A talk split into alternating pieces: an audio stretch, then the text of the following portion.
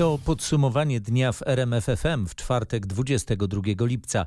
Hasło kluczowe dnia to Nord Stream 2. Grzegorz Jasiński, zapraszam. Polska uważa, że to projekt polityczny szkodliwy dla bezpieczeństwa całej Europy. Tak mówił o gazociągu Nord Stream 2 wiceszef MSZ-u Marcin Przydacz po spotkaniu z doradcą Departamentu Stanu USA Derekiem Szolejem. Waszyngton i Berlin ogłosiły wczoraj porozumienie w sprawie zakończenia sporu na temat tej kontrowersyjnej inwestycji. W ramach tej umowy Stany Zjednoczone wstrzymują nakładanie sankcji na Nord Stream 2, zaś Niemcy inwestują w ukraińskie projekty i zobowiązują się do sankcji w razie wrogich działań Rosji. O szczegółach polskiego stanowiska Grzegorz Kwolek. Polska chciałaby, żeby Amerykanie włączyli się w dalsze rozmowy z Ukrainą, Niemcami i innymi partnerami w ramach Unii i NATO na temat wypracowania rozwiązań, które pozwolą zmniejszyć zagrożenie związane z istnieniem nowego, alternatywnego dla dróg przesyłowych przez Ukrainę gazociągu. E, ta dyskusja, te rozmowy oczywiście będą jeszcze dalej trwały. Ich efektem, mam nadzieję, będzie wypracowane, wypracowanie w przyszłości także i konkretnych rozwiązań. Podkreśla Marcin Przydacz. Energetyka nie była jedynym tematem rozmowy. Amerykański dyplomata miał pytać m.in. o nowe przepisy dotyczące Krajowej Rady Radiofonii i Telewizji. Amerykanie wiedzieli, że nie mogą już zablokować budowy Nord Stream 2, dlatego publicznie dali zielone światło do ukończenia tego projektu, mówi w rozmowie z RMFFM Adam Eberhard, dyrektor Ośrodka Studiów Wschodnich. Krzysztof Berenda rozmawiał z analitykami. W Warszawie i Kijowie często traktowane jest to jako nóż w plecy wbity przez amerykańskich sojuszników. Czemu więc to zrobili? Żeby nie niszczyć kontaktów z Niemcami, Amerykanie widzą, że budowa Nord Stream 2 biegnącego z Rosji do Niemiec po dnie Bałtyku zostanie ukończona w ciągu miesiąca. Na tym etapie ostra walka z tym projektem poróżniłaby Amerykę i Niemcy, a Waszyngton tego nie chce. Amerykanie zrobili to nie dla tego, żeby ucieszyć Władimira Putina, ale aby ucieszyć Angelę Merkel. Bo Niemcy są dla Amerykanów głównym partnerem w regionie, tak mówi szef Ośrodka Studiów Wschodnich. W tym tygodniu Waszyngton próbuje przekonywać Warszawę i Kijów, że w razie czego będzie nas bronił przed szantażami energetycznymi, ale zdaniem ekspertów to porozumienie zwiększa ryzyko politycznego odcinania dostaw gazu. Rosjanie mogą teraz jeszcze śmielej szantażować Europę Wschodnią. Tak eksperci oceniają porozumienie zawarte między Ameryką i Niemcami. Dlaczego zdaniem ekspertów to uderzy w Kijów i Warszawę? Dlatego, że teraz Rosjanie mogą niemal całkowicie zrezygnować z przesyłania gazu przez terytorium Ukrainy, a skoro tak, to mogą grozić Kijowowi, że nie będą dostarczać tego gazu na Ukrainę. Co prawda, amerykańsko-niemieckie porozumienie przewiduje, że w takiej sytuacji Berlin zacznie awaryjnie słać gaz w kierunku ukraińskim, ale to nie jest w żaden sposób wiążące. To porozumienie nie zabezpiecza przed użyciem Nord Streamu II jako broni politycznej. Mówi ekspert Wojciech Jakubik z portalu Business Alert. Dodaje, że Ukraina jest teraz więc mniej bezpieczna i bardziej zależna od Rosji. Ukraina już raz została oszukana międzynarodowymi gwarancjami bezpieczeństwa. To kilka lat temu skończyło się rosyjską inwazją, zajęciem Krymu i części Donbasu, alarmują eksperci i w ten sposób krytycznie oceniają niemiecko-amerykańskie porozumienie gazowe.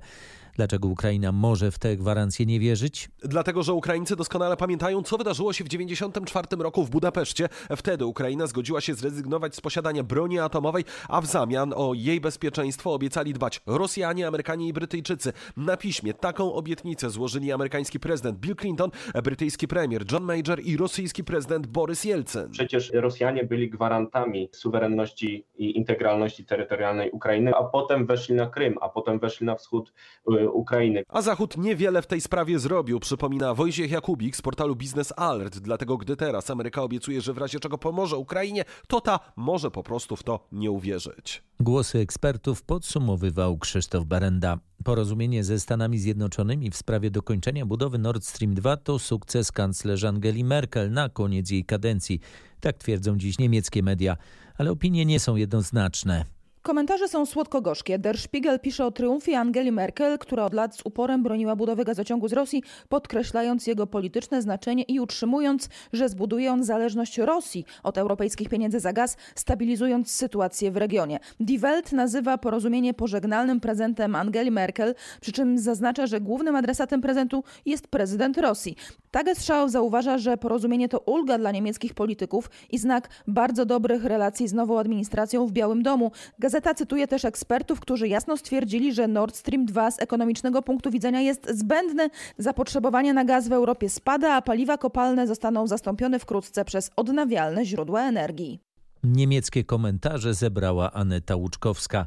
Komisja Europejska będzie omawiać z krajami członkowskimi i Ukrainą kwestię porozumienia w sprawie Nord Stream 2 między Niemcami a USA. Komisja Europejska nie zmieniła swojej dyplomatycznej, ogólnikowej i wymijającej narracji w sprawie Nord Stream 2. Rzeczniczka komisji Dana Spinat powtórzyła to, co Bruksela powtarza od lat, że Nord Stream 2 nie jest w interesie Unii Europejskiej. Rzeczniczka wyraziła natomiast zadowolenie, że Berlin zobowiązał się do przestrzegania, jak się wyraziła, ducha i litery przepisów Unii w zakresie energii. Innymi słowy, Komisja Europejska jest zadowolona, że Berlin obiecał, że będzie przestrzegać unijnego prawa, co jest obowiązkiem każdego kraju. To także nic nowego. Komisja Europejska zawsze mówiła, że jeżeli Nord Stream 2 zostanie wybudowany, to chce, by działał w sposób przejrzysty i niedyskryminujący. Według Brukseli właśnie przestrzeganie unijnego prawa ma to zapewnić. Relacjonuje nasza korespondentka w Brukseli Katarzyna Szymańska-Borginą. Ministerstwo Zdrowia informuje dziś o wykryciu 126 nowych zakażeń koronawirusem i śmierci 9 osób chorych na COVID-19. W Polsce wykonano do tej pory ponad 33 miliony szczepień. W pełni zaszczepionych jest ponad 16,5 miliona osób. To jednak znacznie mniej niż potrzeba, by powstrzymać rozprzestrzenianie się wariantu delta koronawirusa. W innych krajach Europy już na dobre utrwalił się mocny wzrost liczby zachorowań. Czwarta fala koronawirusa będzie się rozpędzała, to raczej przesądzone, że się pojawi.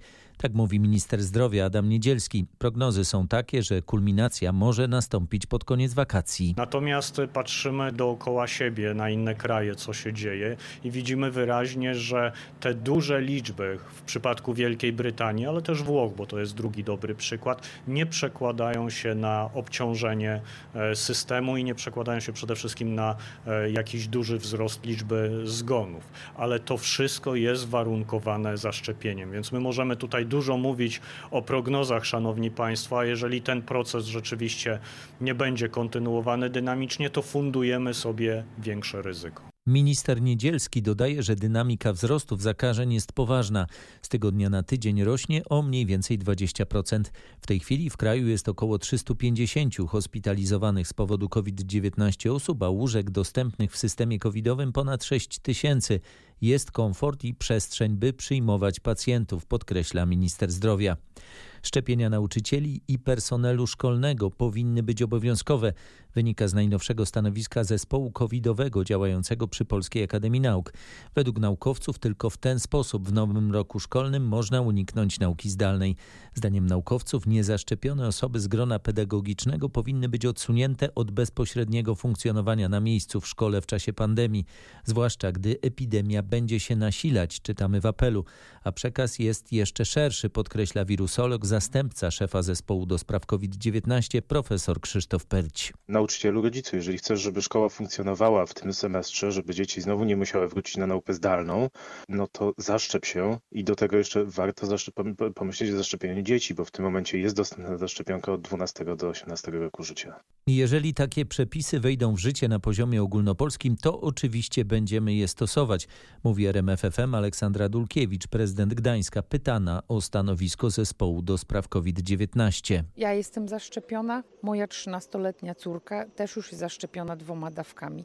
Jest tyle możliwości dzisiaj zaszczepienia, że apeluję do wszystkich rodziców, żeby szczepili swoje dzieci.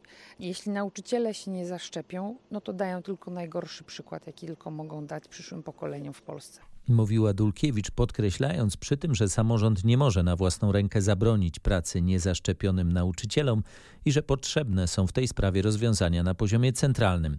O tym, co na to szef Związku Nauczycielstwa Polskiego, już za chwilę. Sejmowa większość parlamentarna obroniła wieczorem ministra edukacji i nauki Przemysława Czarnka. Mimo zebrania 100 tysięcy podpisów pod wnioskiem ministra nie odwołano.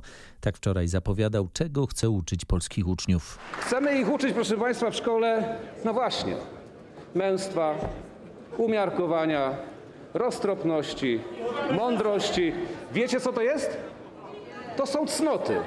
To są cnoty, które wyście wyśmiali w ostatnich tygodniach. Pan minister Czarnek powiedział, że jest człowiekiem dialogu. To jest jedno z kłamstw, które padło z mównicy sejmowej.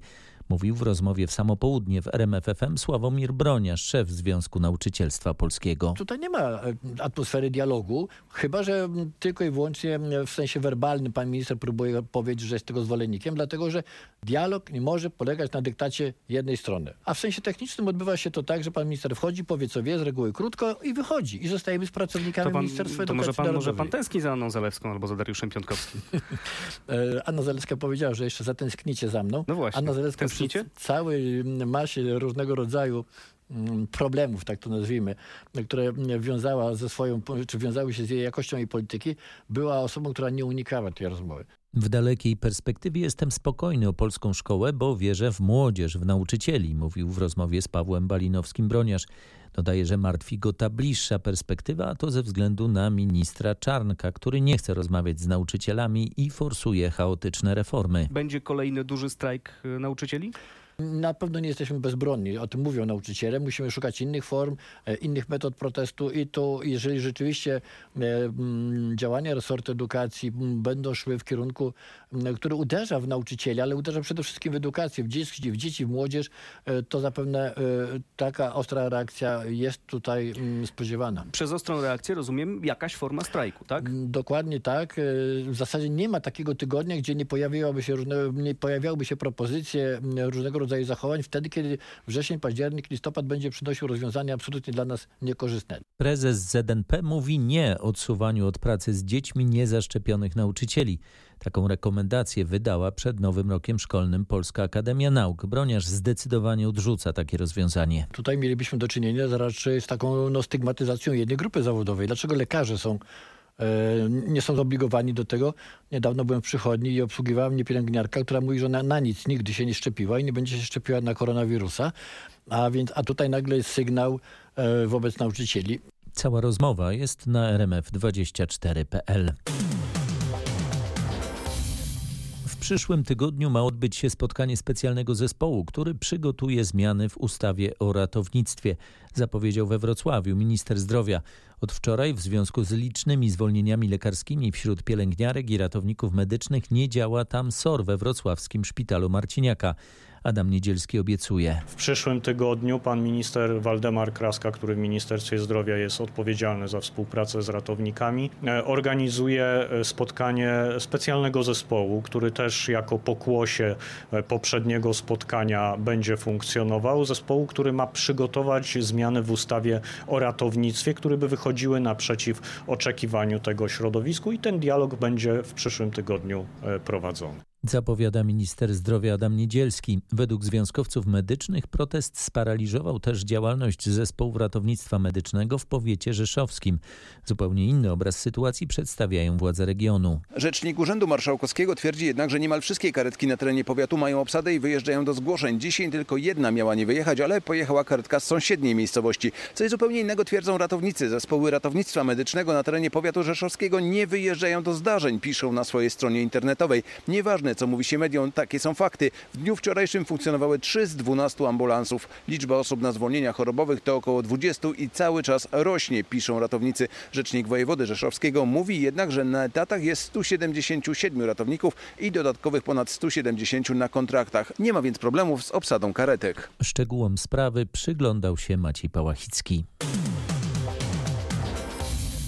W Komisji Europejskiej trwa ocena polskiego Krajowego Planu Odbudowy, przekazała naszej korespondentce rzeczniczka Komisji. Przypomnę, Krajowy Plan Odbudowy to spis reform i inwestycji, które będą finansowane z Funduszu Odbudowy po pandemii. Co oznacza taka odpowiedź Brukseli? Komisja wraca do problemu odrzucenia przez Polskę i Węgry udziału w pracach prokuratury europejskiej, która bada sprawy defraudacji unijnych funduszy. Przez odmowę polskich władz udziału w pracach tego organu komisja ma teraz podstawy, by baczniej przyglądać się i analizować, w jaki sposób Polska zapewni, że pieniądze unijnych podatników będą właściwie wydawane. Polskie władze same dały argument komisji. Wszelkie opóźnienia oznaczają, że pierwsze wypłaty mogą do Polski trafić dopiero jesienią, podczas gdy inne kraje mogą otrzymać je jeszcze w tym miesiącu. Oczywiście w tle jest także sprawa odmowy wykonania przez Polskę decyzji CUE i chociaż komisja zapewnia, że są to dwie różne kwestie, politycznie nie da się ich oddzielić. Informuje Katarzyna Szymańska-Borginą. Żądamy od pana premiera podjęcia natychmiastowych kroków w celu wypełnienia przez rząd podpisanych zobowiązań, mówili na posiedzeniu Sejmowej Komisji Gospodarki Morskiej i Żeglugi Śródlądowej armatorzy rybołówstwa rekreacyjnego. Na sobotę zapowiedzieli kolejny protest. Blokować będą główną drogę dojazdową do Władysławowa. Od początku zeszłego roku armatorzy ze względu na zakaz połowu dorsza nie mogą wykonywać pracy. Kuba Kaługa śledził posiedzenie Sejmowej Komisji. Co jeszcze mówili posłom armatorzy? Że czują się jak piłeczka ping-pongowa, którą odbijają sobie wzajemnie politycy. Kancelaria premiera odsyła ich, jak mówili armatorzy, do resortu infrastruktury, ten do Ministerstwa Rolnictwa, które każe wracać do poprzedniego resortu. Armatorzy przypominali, że rząd tak zwanym porozumieniem luksemburskim zobowiązał się do łagodzenia skutków ekonomiczno-społecznych wynikających z zakazu połowu dorsza. Wyjścia z sytuacji na razie nie widać, ale posłowie chcą kolejnej komisji w tej sprawie, tym razem z udziałem ministrów ze wspomnianych resortów resortów. Armatorów prosili natomiast o rezygnację z blokowania dróg do czasu odbycia tego posiedzenia. Pytałem armatorów o reakcję. Na razie planów nie zmieniają, jak od nich usłyszałem. Jeśli do jutra, do południa nie dostaną od strony rządowej pisemnej deklaracji o natychmiastowym powrocie do rozmów, z zapowiadanej na sobotę blokady na dojeździe do Władysławowa nie zrezygnują. Relacjonował Kuba Kaługa. Ministerstwo Finansów zapowiada ułatwienia w korzystaniu z elektronicznego systemu poboru opłat ETOL na drogach płatnych i państwowych autostradach. Od sierpnia do końca września myto na tych drogach ma być o 1 czwartą niższe. Z części zmian będzie można skorzystać jeszcze w trakcie wakacji. Chodzi przede wszystkim o ułatwienia w rejestracji pojazdów osobowych albo tych trochę cięższych, ale korzystających z dróg płatnych okazjonalnie. Mamy nadzieję, że już na początku sierpnia ta metoda Fast Track będzie dostępna dla e, tych przejazdów okazjonalnych. Zapowiada Przemysław Koch z Ministerstwa Finansów. Zmiany mają zachęcić kierowców i przewoźników do rejestracji w systemie ETOL, który od 1 października będzie obowiązkowy dla wszystkich pojazdów ciężkich, a od 1 grudnia dla wszystkich pojazdów jeżdżących po państwowych autostradach. Do tej pory zarejestrowano niecałe 50 tysięcy ciężarówek i mniej niż 20 tysięcy samochodów osobowych. Podsumowywał Grzegorz Kwolek. Motocykliści w Łódzkiem byli dziś pod szczególnie uważną obserwacją. Policjanci drogówki prowadzili akcję motocykliści, by ograniczyć wypadki z udziałem jednośladów i zapobiec brawurowej jeździe. Niestety statystyki potwierdzają, że część motocyklistów zachowuje się na drogach nieodpowiedzialnie. Od początku roku do 20 lipca w województwie łódzkim było 85 wypadków z udziałem motocyklistów, w których zginęło aż 12 z nich, a 75 zostało rannych. Odnotowano także ponad 150 kolizji z jednośladami. Również wakacje nie sprzyjają chłodnemu podejściu do zachowań na drogach. Nierzadko motocyklistów ponosi fantazja i zbyt mocno przekręcają manetkę gazu, a to jest najkrótsza droga do wypadku. Tegoroczny Tegoroczne lato w Łódzkiem przyniosło śmierć jednemu motocykliście, a ponad 20 odniosło ranę. Informuje dziennikarka RMFFM Agnieszka Wydarka. To dzisiaj ważny dzień dla ósmoklasistów, bo od dzisiaj już wiedzą, gdzie będą chodzić do szkoły średniej. Szkoły ponadpodstawowe wywiesiły listy przyjętych. Mimo, że uczniowie mogą to sprawdzić na swoim koncie internetowym, to jednak niektórzy wolą osobiście. Przekonał się o tym nasz reporter Krzysztof Kot. Trudno było się dostać? Y, no, w tym roku tak. Profil jaki? Matematyczno-geograficzno-angielski. Mama dumna z córki? Bardzo. Dostałem się do szkoły, dostałem się. Jaka klasa? E, matwis. Jestem w tym liceum, co chciałem i ulga, radość, no. Tu się nie udało, bardzo szkoda. To fajna szkoła jest. A może odwołanie trzeba złożyć? nie, no Szansa zawsze istnieje, nadzieja zawsze umiera ostatnia. Nawet 1 września są jeszcze decyzje uczniów o wycofaniu dokumentów, o przeniesieniu się. Miejsca się zwalniają, cały czas jest rotacja, także można rzeczywiście składać odwołania. Zachęcała Justyna Łubek, wicedyrektorka 30 Liceum Ogólnokształcącego w Lublinie. Od jutra m.in. prowadzący sklepiki szkolne będą mogli ubiegać się o wsparcie starczy antykryzysowej. Będą mogli ubiegać się o umorzenie składek ZUS, jeśli ich przychód spadł o co najmniej 40%. Choć formalnie ich działalność nie była objęta restrykcjami, to ze względu na zamknięcie szkół dotkliwie odczuli skutki lockdownu. Przedsiębiorcy z tej branży mogą liczyć na świadczenie postojowe oraz zwolnienie z opłacania składek za okres od listopada 2020 roku do marca 2021 roku. Wsparcie otrzymają także piloci wycieczek i przewodnicy turystyczni. Będzie to zwolnienie ze składek za okres od lipca do września 2020 roku. Wnioski można składać do ZUS od 23 lipca, oczywiście wyłącznie elektronicznie za pomocą platformy usług elektronicznych Zakładu Ubezpieczeń Społecznych. Informuje Piotr Olewiński z ZUS. Kilkaset osób wzięło udział w Warszawie w Marszu Pamięci. To wydarzenie upamiętnia blisko 300 tysięcy żydowskich mieszkańców stolicy, którzy latem, 79 lat temu, zostali wywiezieni do obozu zagłady w Treblince. Dziś przypada rocznica rozpoczęcia wielkiej akcji likwidacyjnej getta warszawskiego. Marsz rozpoczął się przy ulicy Stawki w Warszawie przed pomnikiem Umszlak-Plac. Wielu uczestników podkreśla, że na tegoroczny marsz czekali szczególnie, bo rok temu przez pandemię to wydarzenie było odwołane. Spotkałem jednak osoby, które przeszły wtedy trasę całego marszu indywidualnie, a dziś wspominają, jak było dokładnie przed rokiem. Tak, trochę smutno, trochę tak samotnie i samodzielnie. W tym roku w grupie. Dokładnie tak. Z jaką myślą? No, no ja zawsze wspominam te osoby, szczególnie te osoby takie bezimienne, nieznane. Znaczy, oczywiście każda z ofiar miała imię i nazwisko, ale o większości myślę, że nikt nie pamięta, bo ich rodziny po prostu nie żyją. I właśnie, aby upamiętnić mieszkańców getta, każdy uczestnik marszu ma wokół dłoni złotą wstążkę. Na każdej jest inne imię. Na wstążce, którą ja przed chwilą dostałem, to jest imię Icio. I teraz te wstążki my, uczestnicy, zaniesiemy stąd, z ulicy Stawki, do Parku Krasińskich w Warszawie, na symbolicznej trasie, jak mówią organizatorzy, od śmierci do życia, z Umszlak Placu w stronę warszawskiego getta. Relacjonował to na bieżąco Michał Dobrołowicz. Dziś 22 lipca, najważniejsze kiedyś święto państwowe komunistycznej Polski, czyli Narodowe Święto Odrodzenia, obchodzone do 1989 roku na pamiątkę rocznicy ogłoszenia manifestu Polskiego Komitetu Wyzwolenia Narodowego w 1944 roku. Było świętem, które było niezmiernie reklamowane. Główne uroczystości odbywały się na Placu Zwycięstwa obecnie plac marszałka Józefa Piłsudskiego w Warszawie. Innym takim miejscem centralnych obchodów był stadion dziesięciolecia. Na 22 lipca finalizowano rozliczne sztandarowe inwestycje. Wspomnieć wypada chociażby Most Poniatowskiego, trasę WZ, Pałac Kultury i Nauki, Stadion Dziesięciolecia i wiele, wiele innych. Data więc 22 lipca miała tenże mit założycielski wzmacniać, skupiać wszystkich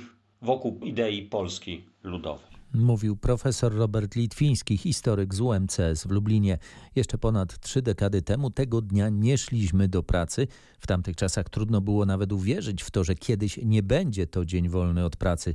Czy ktoś to jeszcze pamięta? No, no święto narodowe, no, od odrodzenia Polski Ludowej, tak? No. Tak, tak, no dobrze mąż no. mówi.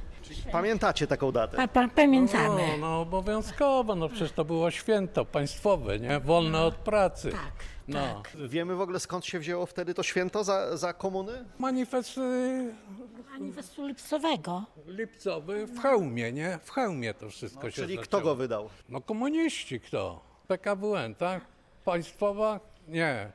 Polski Komitet... Polski Komitet Wyzwolenia Narodowego. O właśnie. Tak, no. PKW. Przypomnieliśmy sobie No, wspólnie no, trochę, no, tak? no.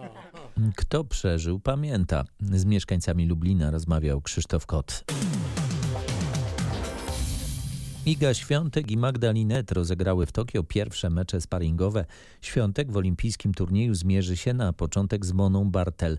Linet trafiła na groźną Arynę Zabalenkę. Początek rozgrywek już w sobotę. Taka forma treningu, czyli taki mecz powiedzmy sparingowy, to jest coś takiego najbardziej wartościowego? To jest e, najbardziej taka no, podstawowa rzecz, którą większość zawodników robi, e, zwłaszcza jeżeli była zmiana na wierzchni, a tych meczów na hardkortach jeszcze nie było. Chcemy jakoś już e, pograć punkty i pobiegać na całym korcie i mieć jak najbardziej przybliżone warunki meczowe. Póki co biegałam tutaj, byłam bardzo rozkojarzona i tak naprawdę od dzisiaj już zaczynam być bardziej skupiona i e, będę na pewno dużo więcej w pokoju. Z Magdą Linet rozmawiał nasz wysłannik do Tokio Patryk Serwański. Do debiutu na Igrzyskach Olimpijskich szykuje się polska koszykarska reprezentacja 3 na 3 W Tokio po raz pierwszy będzie się toczyć walka o medale w tej konkurencji, a biało-czerwoni chcą znaleźć się na podium. Jak przygotowuje się zespół trenera Piotra Renkiela? Koszykarze są w Tokio od poniedziałku, odbyli cztery halowe treningi. Dwa z nich odbyły się w towarzystwie innych drużyn, dwa były zamknięte przed oczami świadków, no i rywali. Wczoraj po raz pierwszy biało-czerwoni mogli obejrzeć arenę swoich olimpijskich zmagań, a to zupełnie inne, no już upalne warunki, nie takie jak w hali. Ostatnie dni to po prostu praca nad detalami, tymi, które mogą zaważyć na wyniku meczu. Pracujemy głównie już nad techniką indywidualną, dużo oddajemy rzutów, przypominamy sobie nasze zagrywki. Mówił trener Piotr Renkiel, a pierwszy mecz naszej reprezentacji w nocy z soboty na niedzielę. Tokio Patryk Serwański. Pierwszymi rywalami Polaków będą Łotysze. Od wczoraj wagonik kolejki linowej na Kasprowy Wierch zabiera już nie 30, a 60 pasażerów. Wydłużono też godziny pracy kolejki. Dzięki temu jest szansa na zmniejszenie kolejek ustawiających się w sezonie przed jej dolną stacją. Było to możliwe dzięki specjalnej akcji, która ma zmniejszyć presję turystów na przyrodę. Wspólnie z nami, wspólnie z Tatrzańskim Parkiem Narodowym prowadzona jest na szczycie Kasprowego akcja edukacyjna. Proponujemy turystom udział w takiej wycieczce edukacyjnej, gdzie nasi edukatorzy opowiadają różne ciekawe historie o Tatrach, o przyrodzie, ale też o kwestiach związanych z bezpieczeństwem. No celem tego działania jest zagospodarowanie ruchu turystycznego w taki sposób, aby turyści nie rozpełzywali się na boki, nie chodzili zbyt daleko, tylko żeby koncentrowali się na wierzchołku Kasprowego. I teraz w zależności od tego, jak ten eksperyment będzie przeprowadzony, czy się powiedzieć, czy nie, no możemy dalej rozmawiać o tym, czy możliwe będzie zwiększenie przepustowości Mówi dyrektor TPN Szymon Ziobrowski. Tatrzański Park Narodowy wysłał edukatorów także w inne miejsca. Opowiadają turystom o zasadach poruszania się w terenie chronionym, a także, jak wspomniał dyrektor, o podstawowych zasadach bezpieczeństwa w górach. Dużo czasu poświęca temu edukator na hali Kondratowej, jednym z miejsc, z których wychodzi się na Giewont. Tutaj jeżeli chodzi o Giewont, no to głównie skupiamy się i kładziemy uwagę na to, żeby sprawdzać tą pogodę. Sprawdzać tą pogodę dzień wcześniej, rano, a także już jak jesteśmy w trakcie tej wycieczki, już miejscowo, jak te chmury się zachowują, jak wiatr wieje, której strony to do nas idzie. Także żałuję, że poszedłem i tyle czasu spędziłem kupując tą kawkę, bo bardzo cenne informacje. My jesteśmy akurat z Mazur, więc my jesteśmy przyzwyczajeni do tego, że tam, jeżeli w prognozie pogody pokazane jest rano, że będzie słońce, to tak raczej bywa. Tutaj zauważamy, że po prostu sugerowanie się jakąkolwiek prognozą trochę mija się z celem. Co parę minut jest inna pogoda. Mówił edukator Jan Gąsienica-Fronek i turyści wyruszający na wycieczkę. Ratownicy Mazurskiego Ochotniczego Pogotowia Ratunkowego interweniowali w sprawie mężczyzny, który po skoku na główkę z jachtu doznał urazu kręgosłupa. Doszło do tego na jeziorze Tauty koło Mikołajek. Dyspozytor MOPR otrzymał zgłoszenie o mężczyźnie, który jest trzymany przez załogę przy jachcie. Jak się potem okazało, mężczyzna 40-kilkuletni wskoczył do nieznanej wody. Tej wody było pod powierzchnią niespełna ponad pół metra. Przestrzegamy, jeżeli nie wiemy, ile tej wody pod nami się znajduje, nie wskakujmy. Sprawdźmy na początku, w jakim miejscu, w miejscu jesteśmy, czy to dno rzeczywiście jest bezpieczne. Ratownicy przypominają apel, wypoczywając nad wodą, bądźmy przede wszystkim rozsądni. Przyznają, że kto w tym tygodniu zdecydował się na wypoczynek na szlaku Wielkich Jezior Mazurskich, ma idealne warunki do żeglowania. Taki wiaterek od dwóch y, do maksymalnie czterech w skali Beauforta y, sprawia to, że y, jeziora po godzinie 12 są dosłownie białe od żagli, tych ludzi, którzy czerpią przyjemność spływania jest bardzo dużo. Niemniej jednak przestrzegamy, obserwujmy to, co się dzieje wokół nas, miejmy oczy dookoła głowy a na pewno będzie, że nam się żeglowało fajnie i bezpiecznie. Mówił Jarosław Sroka, kierownik bazy MOPR w Giżycku. A najbliższe dni w całym kraju zapowiadają się ciepło i deszczowo. Zapominamy o burzach. Teraz będziemy mieli spokojną aurę, przelotne opady deszczu. Bardzo spokojne przelotne opady deszczu, nic groźnego, nic złego. Wyżowa aura, powietrze nieco chłodniejsze, spokojniejsze, nic złego się dziać nie powinno do weekendu. Najchłodniej w najbliższych dniach do piątku, gdzie będzie? No nie licząc obszarów podgórskich, gdzie tak naprawdę będzie temperatura nawet y, maksymalna około 15-19 stopni. Najchłodniej nad morzem. Tam 20-21 stopni to będzie ta najniższa wartość na termometrze. Przewiduje synoptyk IMGW Grzegorz Walijewski. Rozmawiał z nim nasz reporter Michał Dobrowowicz. Upały i burze wrócą do Polski w niedzielę. W czasie weekendu na południu kraju termometry znów pokażą ponad 30 stopni Celsjusza. Tyle na dziś. Na kolejne podsumowanie dnia w RMFFM zapraszam już jutro wieczorem. Grzegorz Jasiński, dziękuję. Dobranoc.